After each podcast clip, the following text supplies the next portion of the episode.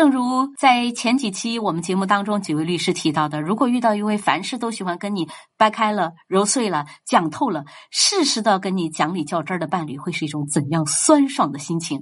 就像足球一样，永远不知道球往哪儿跑。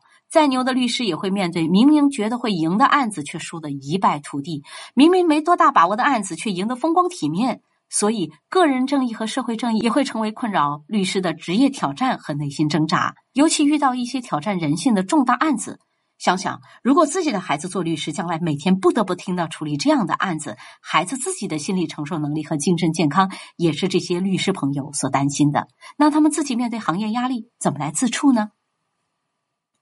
律师团嘉宾先生说：“因为外界对例如律师代表的就是有钱人的利益等等误解，他一般呢不和熟的人提及自己是做律师的，而这一点也得到了露西亚的呼应和陆明律师、杨律师由此话题引申出的律师的职业病。”如今，一些悬浮的偶像剧给观众留下的所谓的律师印象，在我们四位年轻律师身上，是不是也能找到对应的气质呢？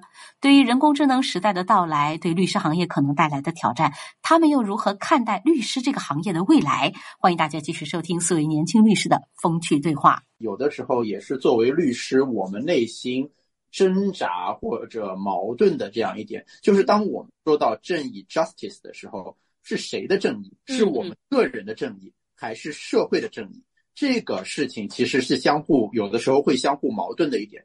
比如说 Sharon 的案子里面，他提到说，这个人没有办法出庭。也许从所有其他的事实的角度来说，从个人的角呃正义的角度来说，我们都应该去同情这个受害人。但是从程序正义的角度来说，这个证人没有办法出庭的情况下。我们是否能判定他，比如说有罪或者有过错？这个相反又是一个从社会大局角度上来说，程序上、这系统上正义的一个问题。那么，对于我们律师来说，有的时候，无论是我们个人对于这个事情的正义的看法如何，呃，我们往往又要去接受说，这个系统需要达到它系统性的这样一个正义。像我说的这个案子，没有 criminal conviction。没有刑事犯罪的判定，你把任何一个 suspect 你叫来，你问他在没有刑事判定的情况下，你问他你做了吗？他会回答什么？他肯定说他没有做啊。那他在不在那里真的重要吗？但是因为我是 plaintiff lawyer，所以说。我相信我做的是对的，这就是为什么律师聊天会吵起来，因为我们永远相信自己说的是最 对的。对对对，我们先不用谈，就是更高层次的这种作为律师的这种职业伦理啊，这种固有的这种困难啊，我们就想一想，Sharon，他作为一个律师，几乎每天要接触的都是这种性侵的受害者，每天听到这样的故事，对我来说，我不一定能够接受的。特别理解您这句话。这就回到了我们的主题，就是说，你让孩子去做律师，如果他每天要听着这样的故事，处理这样的案件，那可能心理承受能力差的，可能他自己的精神健康、心理健康。会受到影响的。嗯嗯，就刚才都已经跳开什么所谓的实体正义和我们程序正义的话题，就在想，如果让孩子每天面对这样子的一些至少不是很阳光的东西吧，虽然非常同情这些受害者哈，因为我自己以前做过一段时间的医生，曾经有一段时间就转病房，就转到那个血液病科，每天看着那些几岁哇得白血病的孩子，对我每天那个心理的那个压力，所以我说我觉得我特别佩服 Sharon。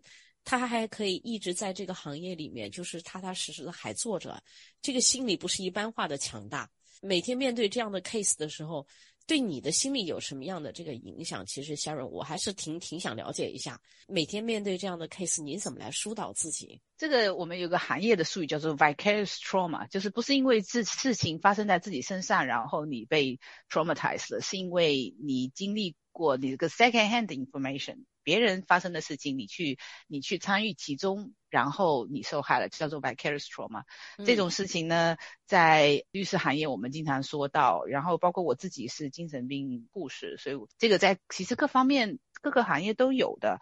嗯，怎么说呢？律师本身就是之前，嗯，Austin 也说，律师本身就是处理别人麻烦的。你这个人没有麻烦，你不会需要找到律师的。特别是我们这些做诉讼的律师，就是吵架吵起来非常难解决，然后要闹到法庭上了才会找律师。我们就是给别人处理麻烦事情的人，那这个行业的压力本身就是大的。再说回来了，这些事情很难做，但是总是要有人去做的。社会中需要有这样子的一个位置在这里，有一些人需要去处理这些事情，那我可能。是比较幸运，我有办法去承受这方面的压力。对我来说，跟我自己的性格也有一些关系。第二个呢，是我可能是受益于我的精神病护理的这个 background 吧，我也比较对自己的这个感情啊、情绪啊比较有 awareness，比较有自知，知道会自己去调整。还有一个呢，我。不止我不能做，所有的在座其他律师都是这样。本身在任何行业里，当你压力大的时候。你其实很多时候都是要去找心理咨询师的。我刚刚入行的时候，当我遇到困难的时候，我也是有需要找心理咨询师去沟通、去疏导的。慢慢的十几年来，慢慢的自己就知道怎么去处理这些负面情绪，但是还是会经常在这个职业的一些时刻会感觉到非常的生气，特别是觉得看到这些受害者受到这个不公平的待遇。就是人性本恶还是人性本善，这个是很早的这个法理学大家都学过的问题，这个是无法避免的。我在职业中比较容易 frustrated 的，不是说一个犯罪分子他对这个受害人做了什么，因为。总是在任何的社会，在再好的法律体制下，都有人会有实施犯罪的。而是说这个事情发生了之后，他作为这个体制，他这个社会的体制，对这个人提供了任何什么的帮助，或者是让他的这个情况变得更糟糕了，这些事情会让我真的很生气。嗯，所以就是这么多年来自我调节吧，这些事情总是要有人做的。因为我比较 lucky，有这个能力做这些事情，然后说又回到我们今天的大主题，说是不是干一行爱一行？同样情况下，我们经常几个人在一起就会说啊，以后退休了要去做什么？嗯嗯，这个就是梦想，你知道吗？所以。没有人说我退休了，有没有我呀？好像我是有说我退休要去做律师，还是谁呀？我们大部分人都说我们退休了不要做律师。虽然我说我很爱我现在做的事情，嗯，我虽然说我很爱我做的事情，但是这个这个呃这个。这个这个 grass is always greener on the other side 吧，就是总觉得做一些其他的，如果有这个选择去做其他的，可能还是会比现在会开心一些吧。就是挺矛盾的，一边说我可以做，我好棒，我我觉得我做这很有意义，另一边又说，哎呀呀，有没有更好的事情我可以换着去做一做呢？之前跟好几位年轻的朋友聊起来过，因为他们的工作也是很费脑子的，发现大家都有一个统一的特点哈，就不知道在你们四位这个年轻律师朋友身上有是不是有同样的这个想法？他们就说天天这么费脑子，退休了以后呢，完全只想做一些能够简单重复的劳动，比如说，哎，开个咖啡馆，然后我每天 我我就跟陪客人聊聊天，然后做做咖啡。所以我很好奇，哎，Sharon 以后退休了想干嘛？我有想过，我们都很认真，这是我们每次聚会都要谈的问题。Sharon 你要干嘛？Sharon 在盼特别休了，特别是我，我叫的很大声，说我好爱这个行业，但是叫的最大声说，哎呀，我不要做律师了，也是我，哈哈。但是没办法，我做的这么好，那就继续做下去好了啦。我就想说，我要是如果退休，我的理想的退休状态就是。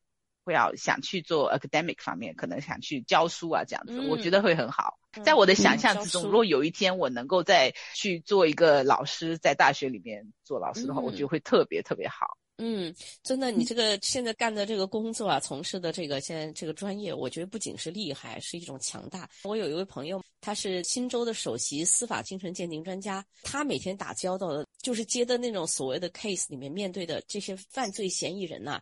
那都不是一般的。他曾经给我讲过几个，哇，听得我浑身就是冒鸡皮疙瘩。就是这个心理素质已经是好到了一定的程度。你看他平时包括跟我们讲话，情绪都是极度稳定的。就是一个人能够把自己的情绪控制到那个程度，是相当厉害的。好，我们现在回过来，刚刚讲到了，那陆明有没有想过退休？我觉得好像每一个人都在想退休。现在好像是越年轻越盼着退休。有没有可能我可以参与进来的这个行业？主要是我想问一下，我们来讲讲以后想退休了干嘛呢？我跟 Sharon 好像还挺像的，我也想做 academic。我感觉是因为我们在职业当中都见过太多的那种纷争和冲突，然后我们就想把自己关在象牙塔里面，安安静静的读，是 这个意思吗？相对单纯一些。对，嗯，那杨律师呢？他们讲的退休，就是说退休了之后还得工作，是吗？嗯嗯嗯。我想，你想的是躺平，对不对？我想的退休就是我天天打打高尔夫，然后天天跑就完了。躺平的人生，露西亚呢有没有想过？我说实在，我我可能还没有进入那个阶段，我自己还没考虑过退休，是不是？对对，但我觉得。其实，其实像我们律所有有挺多老律师，然后他们已经不想自己在作为主要的那个负责人去去干这个活，因为就是很烧脑嘛。然后，但是呢，他们可以就是作为一个 consultant 提供一些意见，然后也是属于就是 part time 的这这种这样子，其实形式这样也蛮好的。因为我觉得，如果真的是做了几十年律师，我觉得我自己会应该会有一刻就是完全脱离这个，我自己会是觉得有点可惜。就是包括现在，就是说，虽然我觉得。有的时候也挺累，但是还是会希望继续做的一个原因。就随着这个经验的增长，你觉得不去使用它是有点可惜。所以我可能有有点不一样，就是我觉得以后真正到了那个年纪，做一些指导性、指导年轻律师的这些方面的工作，我还是挺乐意的。我我同意卢西亚说的这个，嗯，就是如果。年纪大了，不用不需要从头到尾去跟一个案件。就对我来说，我做律师成就感最大的时候是什么时候呢？就是一个新的客户来找到我，他面临了一个很重大的问题，我可能一两个小时的时间做法律检索，看他的材料，能够给他找到一个很好的解决的这个方案。当我找到了这个方案的时候，这个时候是成就感最大的时候。如果年纪大了，不需要就从头到尾去跟这个案子。当碰到一些比较疑难的时候，那我能够帮人家这样去解决问题，嗯，这个应该是呃很好的感觉。做案子很多时候会觉得比较无力嘛。我觉得像我的话，就是做做家庭法，其中我觉得就是早期的时候，我就是接受了挺多就是有有家暴行为的。当时我觉得触动是是挺大的，因为他澳洲这边的话跟大家理解不太一样，觉得好像有家暴可能在。财产方面会有一些补偿，就是相对的会多分，但实际上就是对很很少。我手里接触到很多，其实被家暴的很厉害，很厉。就刑事方面的，就各种的就不说，就是纯粹的，就是从说财产这个方面，其实并不像大家以为的可以多分到多少钱。但是我的客人真的就是有时候被打得很惨的那那种。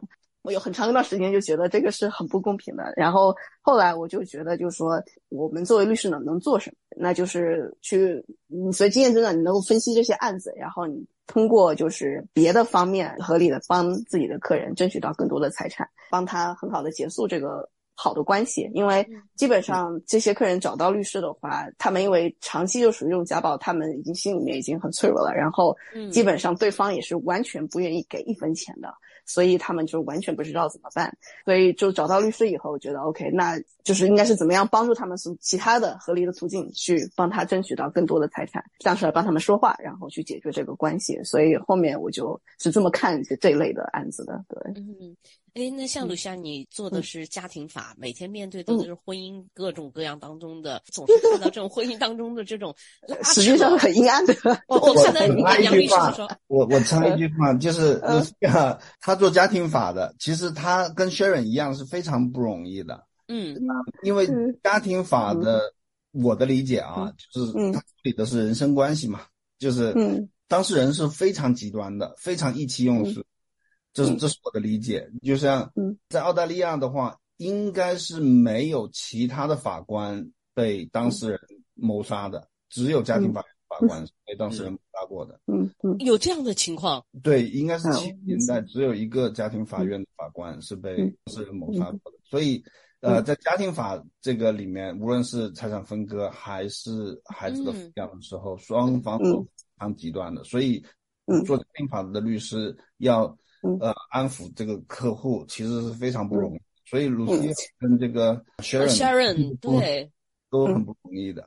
嗯，我我觉得就是这个，就是后面慢慢就是有锻炼出这种这种技技巧来吧。就是我觉得像我怎么就是 manage 客人这家情绪啊，还有他的 expectation，我们在比较早期的时候要告诉客人，就是我们大家都觉得法律是公平的，但但是这个公平是就是对于每个人看怎么看。